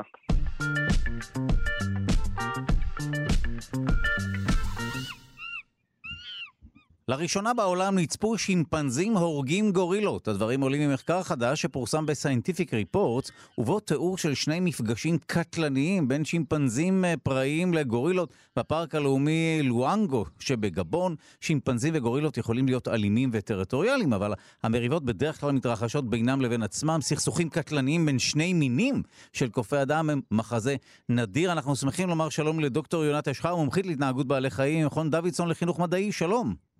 שלום, שלום. רגע לפני שנגיע לסכסוך עצמו, בשורה התחתונה אה, הטענה היא שמדובר בהשפעה של ההתחממות הגלובלית, נכון? אה, תראה, כמעט כל מה שקורה כרגע קשור באיזושהי, באיזושהי צורה לשינוי האקלים או למשבר האקלים, אה, וחושבים שזה קשור לתחרות בין שני המינים. שנובעת מהרבה גורמים, ובין השאר מצמצום שטחי המחיה שקשורה לאדם, ומצמצום של המשאבים שעומדים לרשותם, שזה קשור גם לשינוי אקלים. אוקיי, אנחנו נבדוק את... אנחנו לא יודעים עד כמה זה היה עד כמה זה חדש, עד זהו. כמה זה היה קיים בעבר, אנחנו פשוט לא יודעים. הטענה היא באמת שצריך לבדוק את זה אה, כמובן, ואנחנו נעסוק בזה בהמשך השיחה, אז בואו נתחיל מההתחלה כמובן. מה כל כך מפתיע? כי בדרך כלל מה, לא, אין מפגשים אלימים בין מינים, כפי, ש, כפי שאמרתי בפתיח? אה, יש מפגשים בין מינים מסוימים, כן יש מפגשים אלימים. בין שימפנזים וגורילות עד היום זה לא היה ידוע. צריך להגיד ששימפנזים במיוחד, יותר מהגורילות, אה, ידועים כתוקפניים למדי כלפי בני מינם, אה, כולל ממש סיורים בגבולות הטריטוריה שהזכרים עושים. וכשהם נתקלים בפרטים מקבוצה אחרת, מקבוצה שהטריטוריה שלה סמוכה לטריטוריה שלהם, הם עשויים לתקוף ולהרוג את, ה... את הפרט הזה. אה, וזה דבר שהוא מתועד היטב, במיוחד במזרח אפריקה, אה, ונראה שזה גם אולי קשור למה שקרה עם הגורילות. עכשיו, כן יודעים שלפעמים כן יש תחרות ותחרות אה, מאוד פעילה ואלימה וגם ממש אינטראקציות אלימות בין למשל מינים של טורפים, שטורף אחד מנסה לגנוב את הטרף של טורף אחר למשל, או שכמה מהם מגיעים לפגר של חיה גדולה וכל אחד מהם מנסה אה, להשתלט עליה ולקחת כמה שיותר ממנה, אז אם זה אה, צבועים שהם מנסים לקחת מהאריות, או להפך, גם צבועים, אבל יצא להם שם של דבלות, אבל הם בהחלט צדים. ולפעמים האריות הם אלה שמנסים לגנוב את, ה, את הטרף אה, די, וואו, אוקיי. כן, כן, כן. אמ, אה, במדינות אחרות, באזורים אחרים, אה, זאבים מול דובים, כל מיני דברים כאלה. אמ, אז פה זה באמת אה, יותר תחרות על משאבים אחרים, יותר במשאבים צמחיים אולי, גורילות הן צמחוניות לגמרי. אמ, שימפנזים הם לא צמחוניים לגמרי, שימפנזים גם אוכלים בשר. ומה שמעניין זה בשתי התקיפות שמתוארות פה, שאחת הייתה בפברואר ואחת בדצמבר ב-2019, אז בתקיפה, בשתי התקיפות בעצם היו יותר שימפנזים מגורילות. שימפנזים הם קטנים קצת מהגורילות, אבל היו ממש הרבה יותר שימפנזים מהגורילות, 18 mm, מול 5, אה. 5 בפעם הראשונה, 27 מול 7 בפעם השנייה, ובשני הפעמים ניצחו. וגם הרגו את אחד התינוקות של הגורילות. די. ובפעם השנייה הם, הם גם בעצם אכלו את, ה, את התינוק של הגורילה. ושימפנזים, כמו שאמרתי, הם צדים בשר, הם, הם צדים אה, כל מיני של קופים קטנים, בעיקר מינים של קופים קטנים שיש באזור, לפעמים גם כל מיני אנטילופות, אם צריך לתפוס אותם, דברים כאלה. אבל הם לא, החוקרים לא חושבים שזה היה המניע העיקרי לתקיפה. כי זה היה מאוד שונה מהתנהגות שמתנהגים כשהם צדים, ומאוד דומה, הרבה יותר דומה להתנהגות שלהם באמת כשהם נלחמים בקבוצה אחרת של שימפנזים. והם חושבים שזה באמת קשור אולי לאותו אותו עניין, תחרות על מקום, תחרות על משאבים. הם גם מציינים שספציפית בפברואר ודצמבר, שאז התרחשו התקיפות האלה, אז הם, אה, זה, באזורים האלה יש אה, בדיוק פירות ששני המינים אוכלים, ואולי יש יותר תחרות עליהם. לעומת זאת, אה, למשל באפריל יש הרבה פחות תחרות ביניהם על, על מקורות מזון, ואז ראו אותם גם פעם או פעמיים ממש יושבים אחד ליד השני ואוכלים בלי שום בעיה. אז כנראה זה גם משתנה בהתאם לעונות השנה ולכמה יש תחרות באותו רגע על משאבים מסוימים. תשמעי, אני עדיין מזועזע מרמת האלימות. הרבה פעמים אנחנו כן. תוהים אה, מאיפה מגיעה האלימות לבני אדם, ואז הנה אנחנו מקבלים הוכחה לכך ש... הנה המקור שלנו, וככל הנראה קופי אדם הם אלימים, לפחות השימפנזים, נקרא... אה, יכול להיות, יכול להיות. אני רוצה רק להזכיר ש... אה, הבונובו הם קרובים אלינו לא פחות מהשימפנזים. זהו, ידעתי שתשלפי את הקלף הזה, כי הם יותר חמודים ומחבקים, נכון. הם הרבה פחות, אה, כן, הם יותר אוקיי. חמודים ומחבקים. הם כנראה פחות אלימים, הם גם רבים, אבל אה, גם אצלם יש אה, ריבים בין קבוצות, אבל בעיקר בתוך הקבוצה, אבל הרבה הרבה הרבה פחות מהשימפנזים. אבל כן, שימפנזים יכולים להיות מאוד מאוד אלימים, יש תיעוד ממזרח אפריקה של... אה, קבוצה אחת של שימפנים שפשוט לאט לאט הרגה את כל הזכרים בקבוצה השנייה, ואז פשוט השתלטה על הטריטוריה שלה, והנקבות פשוט עברו לקבוצה הזאת. אה, אז כן, יש את, אה, את, את המקרים האלה. אכילה של, של שימפנזים, נגיד, זה לא משהו ש, ששימפנזים עושים, קנבליזם כזה ממש. וגם במקרה הזה של הגורילות, זה, זה נראה איזה קטע מוזר. רוב, רוב השימפנזים לא, לא התייחסו לגורילה המת בכלל, והייתה אחת שהחליטה לאכול אותו, אולי הייתה מאוד רעבה או משהו. תשמעי, הצלחת לזעזע, אנחנו בתוכנית אה, מדע וידע, לא... ומוכרח לומר שקשה לא מאוד נחמד. קשה לא לעכל את זה, וכן, הטבע הוא אכזרי. אה, כן. אז בואי נחזור ברשותך לנקודה שבה פתחנו, וזה הקשר להתחממות הגלובלית. שוב, אני, או שכן או שלא, אבל האם באמת אה, התחרות על מזון שהולך ומתמעט, אה, או שלל לא, טריטוריות וכו', אבל בעיקר מזון, אני מבין, זה משהו שהוא תולדה באמת של שינויי האקלים, מה שבסופו של דבר, במילה לא מדעית, מחרפן את הטבע. כן, אז uh, כמו שאומרים לגבי ההוריקנים וה, והגלי חום וזה, אי אפשר להצביע על מקרה אחד ולהגיד את זה בגלל שינוי האקלים. אבל זה שדברים כאלה, אה, ככל שהעולם מתחמם, יקרו יותר, זה נראה בלתי נראה. טוב, הצלחת להלחיץ אותי. במפגש הבא שלי עם שימפנזים, אני אחשוב טוב טוב, בעיקר לא אחשוב שהם חמודים. בעיקר, בעיקר אה, תפגש עם גורילות, זה יותר נחמד. אפשר לנסוע לרואנדה או לאוגנדה ולראות אותו מקרוב. אה, הגורילות נתפסות בעיניי כיותר אציליות, והשימפנזים יותר קרובים אלינו, לא? הגורילות הם, הם פחות יש להם את ה... הם כמובן נלחמים אחד בשני, כל אחד בטבע נלחם אחד בשני, אבל כן, הם פחות תוקפנים, הם גם לא אוכלים בשר. מצד שני, השימפנזים במערב אפריקה כנראה גם לא אוכלים בשר. אז אולי הם יותר צמחונים ונחמדים. אז אוקיי. זה, זה עניין של, זה, של גיאוגרפיה. זה כבר עניין של בדיוק, אוקיי. תלוי איזה שימפנזים. תודה רבה לך על השיחה הזאת. דוקטור יונת אשחר, מומחית להתנהגות בעלי חיים, מכון דוידסון. תודה. תודה רבה.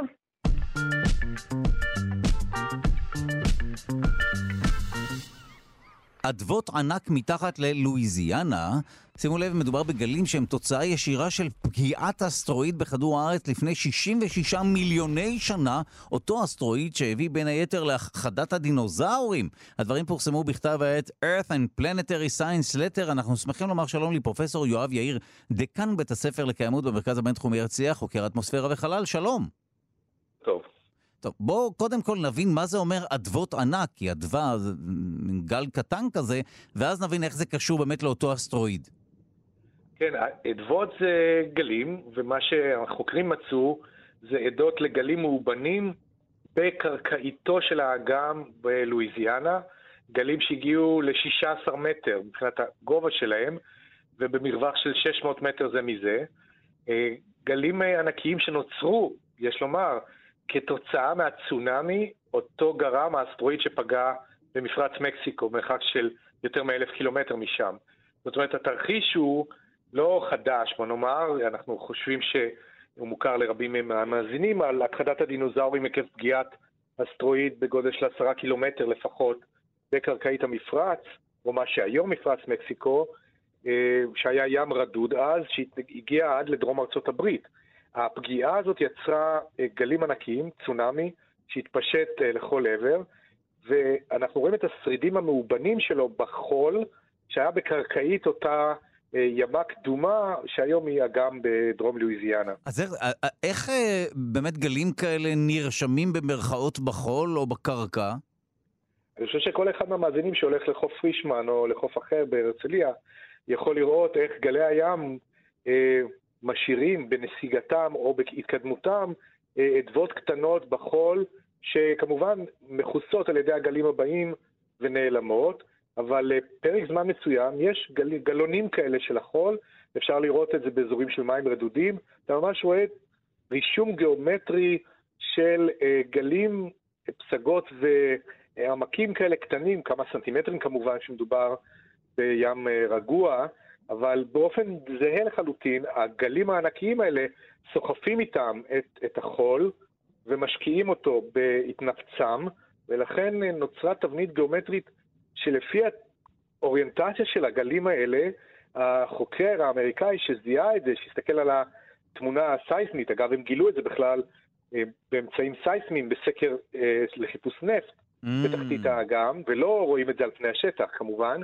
זה קבור מתחת לשכבות עמוקות של משקעים בקרקעית האגם, וככה ברגע שהוא ראה את האוריינטציה המקבילה של הקווים האלה, אה, הוא הגיע למסקנה שזה, שזה אה, השריד של אותו גל ענק שנוצר מפגיעת האסטרואיד לפני 65 מיליון שנה. זה גם עונה על השאלה הבאה שלי, לפחות שהתכוונתי לשאול, מה, מה הם חיפשו שם בעומק של 1,500 מטרים מתחת לאגם שם? אז שוב, הם, הם, כן, זה כן, סקר כן, סייסמי. כן, כן, זה ככל הנראה נפט. נפט, כן, נפט או גז טבעי, אה, כמו שעושים בדרך כלל. אגב, אני חושב שכדאי להזכיר למאזינים שגם המכתש המקורי של הפגיעה במקסיקו, באותו חצי האי יוקטן, התגלתה אה, ברישומים של קידוחים של חברת נפט. Mm. זאת אומרת, הרי המכתש קבור כיום מתחת לשכבות של משקעים, וכמובן מתחת למימי האגם, והוא נמצא, בין היתר על פי ההשערה, היכן יכול להיות מכתש שישמיד כמעט 80% מבעלי החיים שחיו על פני כדור הארץ בסוף עידן אה, הקרטיקון, וזה מה שמצאו. מצאו בתוך קידוחים לעומק, או קידוחים פיזיים, כאן במחקר החדש אה, אה, רעשים סייסמיים ש, שמבצעים סקר סייסמי לעומק, וככה הם מצאו את הטביעת אצבע של אותו אירוע קדמוני עתיק. עכשיו, בדרך כלל באמת מדברים על 66 מיליוני שנה, זו הפגיעה שלה מייחסים את עיקר ההכחדה של הדינוזאורים, למרות שגם עולה טענה שזו לא הכחדה שהיא מוחלטת וכולי, שהיו תהליכים שהם הקדימו את הפגיעה הזו וכולי, אבל בהכרח... משייכים את ההכחדה שלהם לאותו אה, אסטרואיד שפגע בכדור הארץ לפני 66 מיליוני שנה? כן, יש שתי גישות מקבילות, ואולי אפילו יותר משתיים. אחת גורסת שהייתה הידרדרות איטית של התנאים הסביבתיים עקב התפרצויות געשיות גדולות גם לפני ה-66 מיליון אה, שנים לפני פגיעת האסטרואיד, והאסטרואיד במובן הזה היה מכת החסד האחרונה, שפשוט שינתה בצורה דרמטית ומהירה מאוד את הטמפרטורה של כדור הארץ, כך שהאוכלוסיות המוחלשות של הזוחלים הענקיים ששלטו כאן, פשוט לא יכלו לעמוד בשינוי הרדיקלי והקצר שהתרחש בתנאים האטמוספריים, פשוט הטמפרטורה ירדה מאוד מהר, כדור הארץ כולו התכסה בשכבות של אפר, אה, שהורידו את הטמפרטורה לערכים מאוד מאוד נמוכים, גרמו לפגיעה קשה בפוטוסינתזה ולכן למוות של צמחים, וקטעו את שרשרת המזון באופן שהדינוזאורים לא יכלו לעמוד בזה ולכן הם נכחדו. למזלנו היונקים בעלי הדם החם כן הצליחו להסתגל לשינויים האקלימיים המהירים האלה, ובזכותם אנחנו פה על הפלנטה הזאת. אוקיי, okay, אז הנה קיבלנו את ההסבר המלא לידיעה, לא מדובר באדוות אה, ענק ממשיות, אלא בשרידים, או תיעוד אה, של הטבע לאותן אה, אדוות ענק מתחת ללואיזיאנה, בעומק של 1,500 מטרים מתחת לאגם בלואיזיאנה בארצות הברית, וזו עדות, עוד עדות לפגיעת האסטרואיד בכדור הארץ, 66 מיליוני שנה, שבסופו של דבר היה חלק מהכחדת הדינוזאורים. אמת, נכון. טוב, תודה לך על הדברים. דקאם בית הספר לקיימות במרכז הבינתחומי הרצליה וחוקר האטמוספירה וחלל, פרופסור יואב יאיר. תודה. בבקשה, להתראות.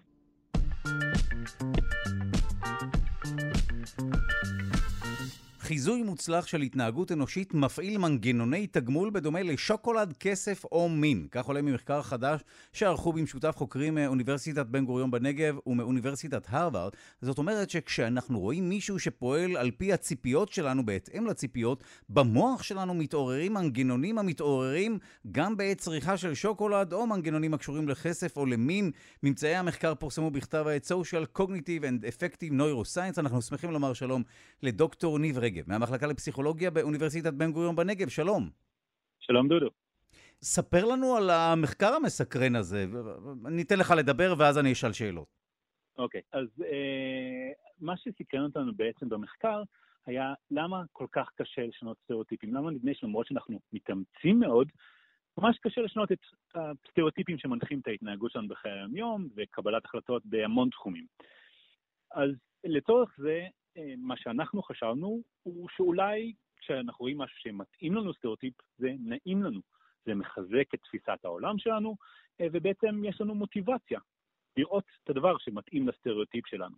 זאת אומרת, אז... יש לי איזושהי דעה מוקדמת, ואם אני אה, מאשש את הסטריאוטיפ הזה או את הדעה המוקדמת על אדם כי הוא XYZ, אז מופעלים מנגנוני תגמול במוח שלי, ככל הנראה זה משהו ש... נתן לנו איזשהו יתרון אבולוציוני, נכון? אחרת לא היינו נתקעים עם הבאג הזה. נכון, יש לנו אה, אה, צורך אבולוציוני שהעולם מסתדר כמו שאנחנו רוצים, זה מפשט את ההתנהלות שלנו בעולם. אז אה, כנראה שזו הסיבה, כמובן שהסברים אבולוציוניים הם מאוד אה, פוסט-הוקיים וקל לעשות אותם כמו שרוצים, אבל זה, זו הייתה, זה היה חלק מקו המחשבה שהנחה אותנו במחקר. אוקיי, okay, אז רגע, אז אני חוזר שוב למחקר. בוא תן לנו עוד דוגמאות לסיטואציות שבהן אני אה, חוזה משהו, ואכן הדברים הם נכונים על פי התחזית שלי, ואז אני מרגיש איזושהי אופוריה או איזשהו גמול מוחי. אז אני אתן דוגמה שרלוונטית לכם אמיתיים שאני מקווה חלק מהמאזינים.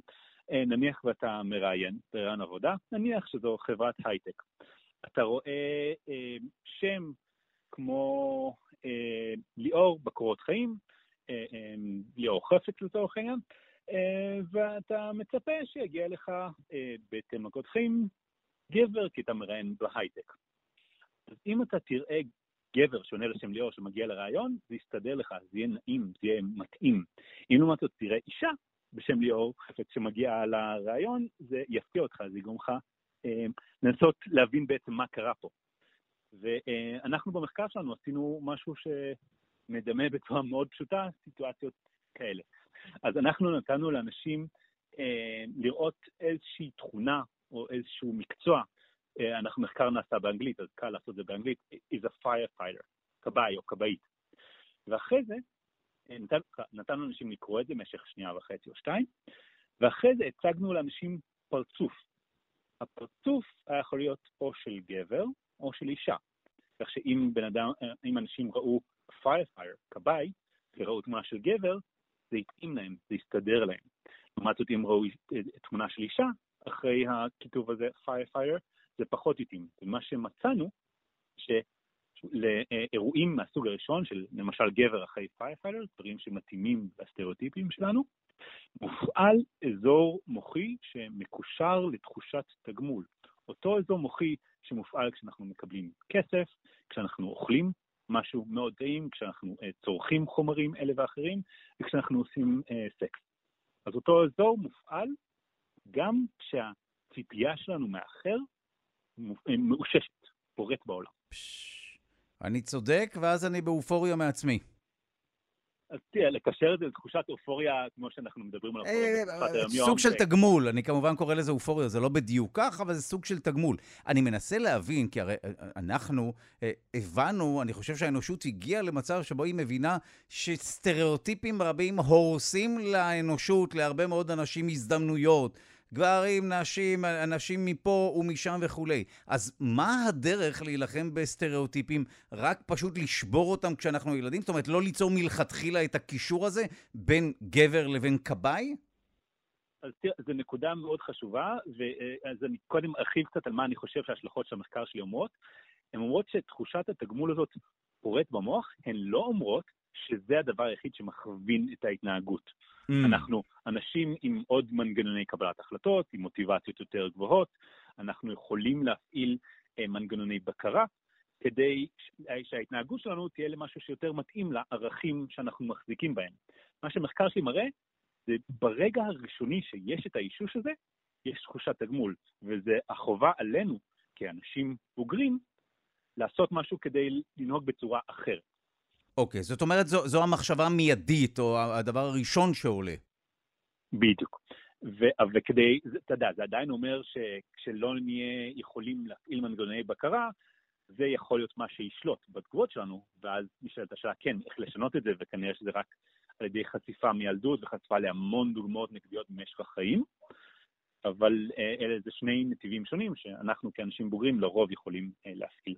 לא, זה באמת, אה, השורה התחתונה של המחקר היא חשובה מאוד. זה אומר שבאמת אנחנו מתקבעים על איזה שהן תבניות, ואז הן הופכות להיות משהו שבסופו של דבר גורם לנו לתגמול, וזה עשוי להיות מאוד בעייתי לאחר מכן, כשאנחנו מנסים להיפטר מהסטריאוטיפים, שוב, בהנחה שאתה נותן את המקום למנגנון הזה ולא למנגנוני בקרה אחרים. נכון מאוד, ואני אגיד דבר נוסף. עשינו עוד מחקרים במחקר שפורסם, עוד ניסויים, שבהם אנשים באינטרנט היו מוכנים לוותר על סכומי כסף כדי לראות מידע שמתאים לסטריאוטיפים. כלומר, גם כשאימתנו אותם עם האפשרות לקבל יותר כסף כדי לראות משהו סותר סטריאוטיפ, עדיין הם בחרו לראות את הדבר שמתאים לסטריאוטיפ. אמ, בעצם הפסידו כסף כדי לראות את זה. זאת אומרת, זה, זה אפילו חזק יותר מהעונג שבקבלת כסף. אני כן אסייג פה שאני אגיד, זה לא סכומי כסף ענקיים, זה לא מאות דולרים, אה, אה, אבל זה כן איפה שזה כנראה משנה בעולם האמיתי, במקומות הקצת אפורים, שמשהו אחד קצת שווה יותר, אבל אל מול זה יש לך את האפשרות לראות משהו שמתאים לך לסטריאוטיפ, אז אתה תבחר במשהו שמתאים לסטריאוטיפ. נניח אם יש לך מועמדת שהיא בערך כמו מועמד גבר, עצם ההתאמה של המועמד גבר לתפקיד, ועל פי הסטריאוטיפ, עשויה לגרום לך לבחור בו. טוב, מחקר מאוד מעניין, אפילו קצת מטלטל, כי שוב אנחנו מבינים שיש, לעיתים, יש, אני לא אומר צידוק, אבל יש סיבות מוחיות להתנהגות סטריאוטיפית, אבל כאן אנחנו נכנסים לתמונה ואמורים לשנות את העניין הזה. שוב, זה משהו שככל הנראה סייע לנו באבולוציה אי שם בעבר, כרגע פחות.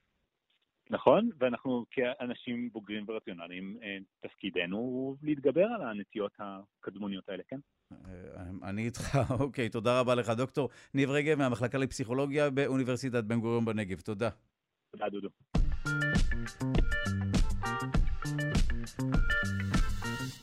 ובמסגרת פינת התרבות נציין יום הולדת 93 לבמאי סטנלי קובריק. שלום ליונתן גת לשעבר ג'אט, מרצה לתרבות ומבקר תרבות. שלום. שלום דודו. יש עוד במאים כאלה? אני, הנה דוגמה לבמאי שכבר כמובן לא נמצא איתנו, אה, שעשה סרטים לא בהכרח כדי לקלוע לאיזשהו טעם של קהל, או למלא את ה... אני, אני משער את בתי הקולנוע, לפחות כך זה נראה. אה, יש נטייה להגיד שהיחיד שפועל כיום הוא, הוא טרנטינו. Mm. הדמיון ביניהם במובן הזה, אין הרבה נקודות השקה, אבל בוא נגיד שהנקודה המשיקה היחידה שהיא הכי בולטת, זה שאלו הם בימאים שיכלו לעבוד כמה זמן שהם רצו על סרט, להשקיע כסף ללא הגבלה כמעט, עד שהם הוציאו את המוצר הסופי ואף אחד לא יכול להגיד להם מילה. כי גם טרנטינו, עכשיו נדגיש יותר את קובריק, אה, עושים סרטים, עשו סרטים שהם הצליחו גם להמם את הביקורת, ומצד שני לפוצץ את האולמות. סטנלי קובריק, עם הסרטים שלפעמים נראים קצת קשים להבנה או לתפיסה, נגיד סתם אני אומר אודיסאה בחלל, 2001, כן, הסרט, סרט חלל שאולי שדרג ושינה לגמרי את כל סרטי המדע והעלה אותם למדף של האומנות. זה סרט שאחר כך הצליח, לא מיידית, אבל אחר כך הוא הצליח בצורה מדהימה, הפך להיות פופולרי ביותר וגם הכניס המון המון כסף למשקיעים. ככה לגבי כל הסרטים שלו, של קובריק. קובריק לא עשה הרבה סרטים, עשה 13 סרטים.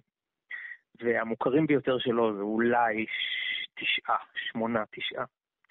ובכל סרט שלו, אני חושב המחנה המשותף, זה שזה נראה לך בהתחלה מאוד מאוד יפה, מאוד מאוד אסתטי, סימטרי, מפואר, מרשים, שובה עין, מהפנט. ואז ככל שאתה צופה בזה, לעם הזמן אתה מבין שזה נראה, היה נראה לך טעים למאכל, אבל זה רעיל. זה, זה מלא חומר רדיואקטיבי פעיל בתוך הסרטים שלו. למשל הסרט דוקטור סטריינג'לאב בשמו המלא, איך למדתי להפסיק לפחד ולאהוב את הפצצה. זה על ה, כמובן על מלחמת ה, ה, המלחמה הקרה בין ארה"ב לרוסיה, היום שבו ארה"ב תפציץ את רוסיה, רוסיה תפציץ את ארה"ב, ואנחנו נגיע בעצם לפיצוצי אטום שיחריבו את העולם. אז בסרט הזה כולם יושבים מסביב לשולחן, כל מנהיגי הברית, הקפטנים והגנרלים מהנשיא יושבים ככה מסביב לשולחן, שולחן אובלי כזה, סימטרי, יפהפה, הכל נראה מאוד חדיש ואלקטרוני ומתקדם, ולאט לאט אתה מבין שאנשים שיושבים שם על השולחן הם טרללה לגמרי. הם אנשים, הם האנשים האחרונים שאתה תרצה לשים ביניהם את המפתחות.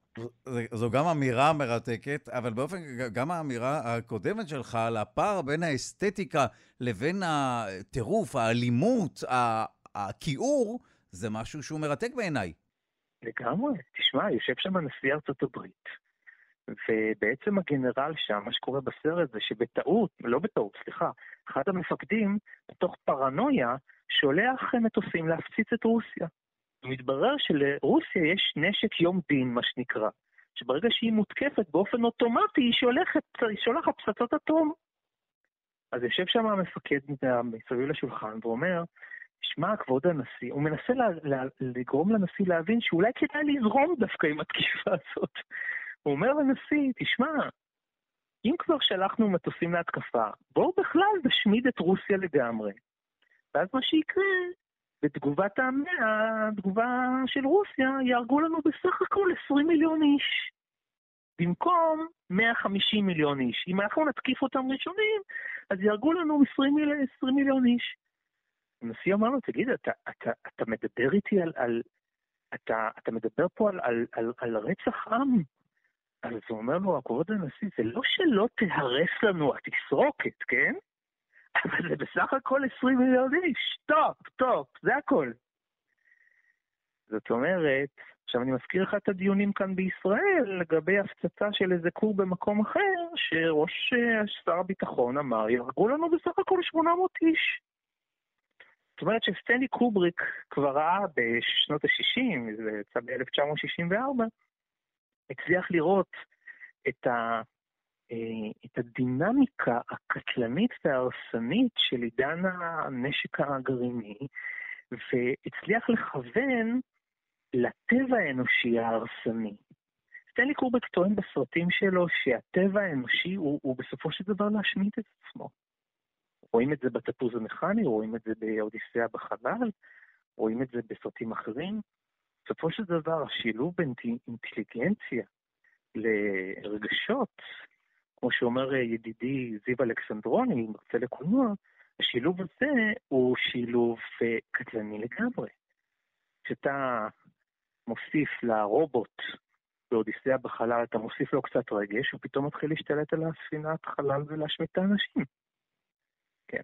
כשאתה מוסיף לקוף, באותה, באותו סרט, הקוף, שהוא בהתחלה רק עם רגשות, אתה מוסיף לו אינטליגנציה, פתאום הוא הופך להיות רוצח. אז אני מזכיר לך, דודו יקירי, שהנאצים הגיעו מהאומה הכי מתורבתת על הפלנטה. הנאצים לא הופיעו באיזה מקום ברברי. הנאצים הופיעו בבירת התרבות, בשפיץ של העידית של האינטליגנציה האירופאית. וגם להם היה איזשהו אישו עם אה, אסתטיקה וכולי, זאת אומרת, גם שם כמובן היה הפער הגדול ביותר בין... משמעית, אה, אמרת בדיוק. לא רק זה, לא רק אסתטיקה ופילוסופיה והגות והומניזם, דודו, וואו. הומניזם. תחשוב, אנחנו מדברים על ברלין, שהייתה בירת האוונגרד, זאת אומרת, הכי מתקדם שיש. משם יצאו כל הסרטים הנפלאים של האקספרסיוניזם הגרמני וכו' וכו' וכו', ומשם יצאו המפלצות הכי גדולות שהאנושות ידעה. וקובריק הבין שבעצם היסוד האלים של בני האדם נמצא מתחת לפני השטח והוא בלתי נמנע. תן להם את האפשרות, והם. ישמידו פה כל מה שאפשר. רואים את זה בכל הסרטים שלו. גם בניצוץ, אפילו שזה כאילו רק סרט אימה, כאילו, אבל בסופו של דבר הוא מדבר שם על נהרות של דם, שהטבע האנושי בסופו של דבר הוא טבע רצחני, אם רק נותנים לו את האופציה. זה סטנלי קובריק.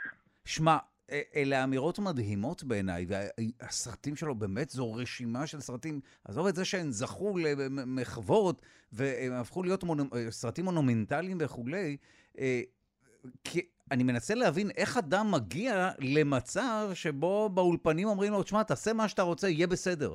הרי אנחנו יודעים עד כמה אה, משקיעים, בסופו של דבר, אה, סרטים זה עסק כלכלי, ומדובר פה בכל זאת בעשרות מיליוני דולרים וכולי. איך אדם מגיע למעמד אה, טוב, אה, אצל טרנטינו זה יותר קל באיזשהו תהליך איטי, אבל איך הוא הגיע למצב שבו הוא עשה סרטים מקריפים לגמרי, מוזרים, באמת אה, מטלטלים מאוד, שלא תמיד, כפי שאמרת, ישר אפשר לעכל אותם, ובכל זאת נתנו לו צ'ק פתוח, יד חופשית.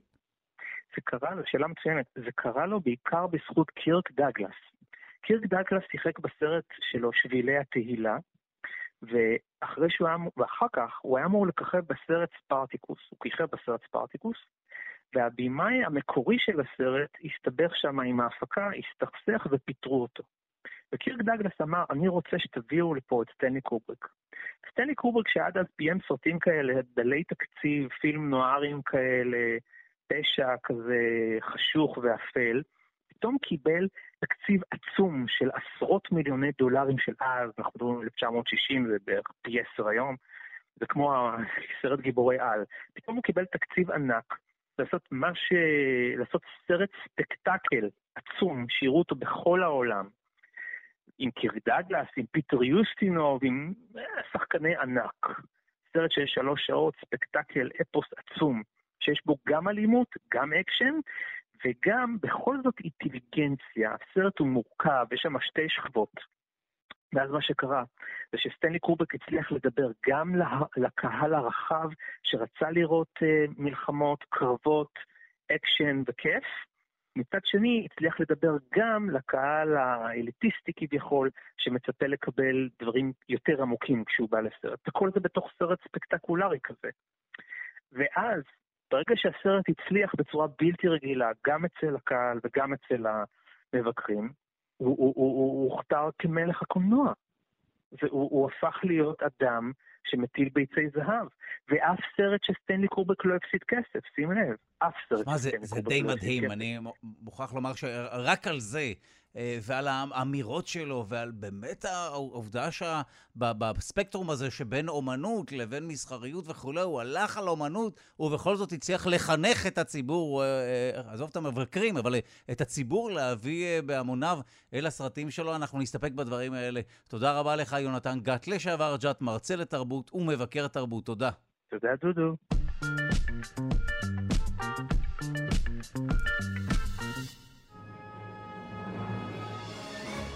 ובמסגרת הפינה ההיסטוריה המטורפת של העולם, נשמע את סיפורו של איש הזאב, פיטר סטאם. שלום לערן מנהר, עורך ומגיש ההסכת מנהר הזן, שלום. אהלן דודו, אתה מאמין שיש אנשי זאב? זהו, נשמע שמצאנו את איש הזאב המקורי המקורי. מי הוא? המקורי המקורי, אנחנו מדברים על המאה ה-16. תראה, מעט מאוד ידוע על פיטר סטאמפ, אה, לפני שהוא הודה ברציחתם הברוטלית של יותר מעשרה בני אדם. יכול להיות שהוא איש היה איש מאוד מעוות פיזית ונפשית, אה, ויכול להיות שהסיפור שלו היה תוצר של איזה מאבק בין הכנסייה הקתולית ובין הכנסייה הפרוטסטנטית, אה, אבל אולי יכול להיות שהוא היה באמת איש זאב שפעל בהוראת השטן עצמו? מה שאנחנו כן יודעים זה שבסוף המאה ה-16 הוא היה חוואי בעיירה הגרמנית הקטנה בטבורג, אה, והוא נעצר ב-1589, אחרי סדרה של מקרי מוות בעיירה. אה, בהתחלה חשבו שזה היו התקפות של זאב, אבל בסוף זה התברר להיות uh, מעשה רצח. Mm. Uh, למה עצרו עכשיו דווקא חוואי אומלל? כי באחד המקרים קבוצת ציידים תפסה אותו עם ידיים אדומות uh, כשרדפו אחרי זאב גדול. הם טענו שהם ראו אותו הופך מזאב לאדם. אז לקחו אותו לחקירה, גם כן חקירה, כן? לפני שהרשויות הצליחו לנצל את ההזדמנות להתעלל בו, שזה היה תחביב רשויות ידוע אז, הוא הודה בהכל. אה, רק האיום בעינוי הוציא ממנו הודעה, וההודעה הייתה שבגיל 12, זאת אומרת 25 שנה קודם לכן, הוא עסק בחישוף שחור והצליח לזמן לשירותו את השטן. הוא הסביר כי בעל זבוב, בכבודו ובעצמו, הציג את עצמו באמצעות חגורה קסומה שגרמה לו להיראות כמו זאב אדיר. עכשיו, כשהוא נשאל איפה החגורה, אז הוא אמר, בדיוק נפלה לי לפני שתפסתם אותי. אה, וזה מה שבעצם גרם לכם לגלות אותי. מה הם עשו? הם חיפשו. והאם הם מצאו את החגורה? התשובה היא לא. בעולם תקין ונאור, אה, זה היה מספיק כדי להוכיח לפחות חלק מחפותו, אבל הרשויות אז טענו כי זהו סימן לכך שלוציפר עצמו הגיע ולקח את החגורה לפני שהיא תיפול לידיים יש אחרות. מערכות משפט יצירתיות יותר ממערכות משפט שפועלות היום. נכון, נכון. וזה בסך הכל הגיוני. עכשיו, סתם טען, המשיך וטען, כי כשהוא היה זאב, הוא נמלא דחף עז אה, לדם ולבשר.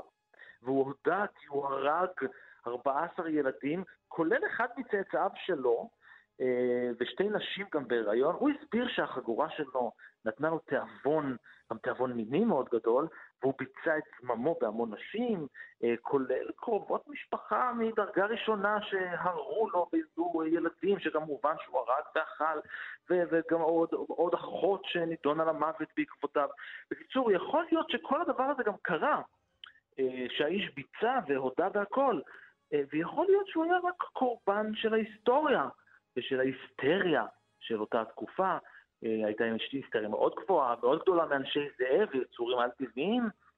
אה, בשנים האלה בעצם נכבשה בטבורג הפרוטסטנטית על ידי הכוחות הנאמנים לכנסייה הקתולית, וסביר מאוד להניח שהאיש בעצם נפל קורבן לדיכוי ולטיהור דתי, אה, מה שנקרא למען יראו וייראו.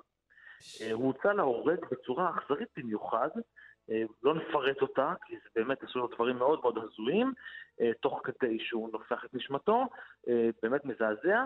אה, היה מה שהיה, השם של האיש נשאר מוכתם לעד בימיה של בדבורג, עד היום. העיירה שהוציאה להורג אדם באשמה שהוא איש זאב. וואו, כן, וזו לא הדוגמה היחידה למקרים מאוד מוזרים של מערכות משפט מוזרות בתקופות אפלות. תודה רבה לך, ערן מנהר, עורך ומגיש ההסכת מנהר הזמן. תודה. ביי ביי.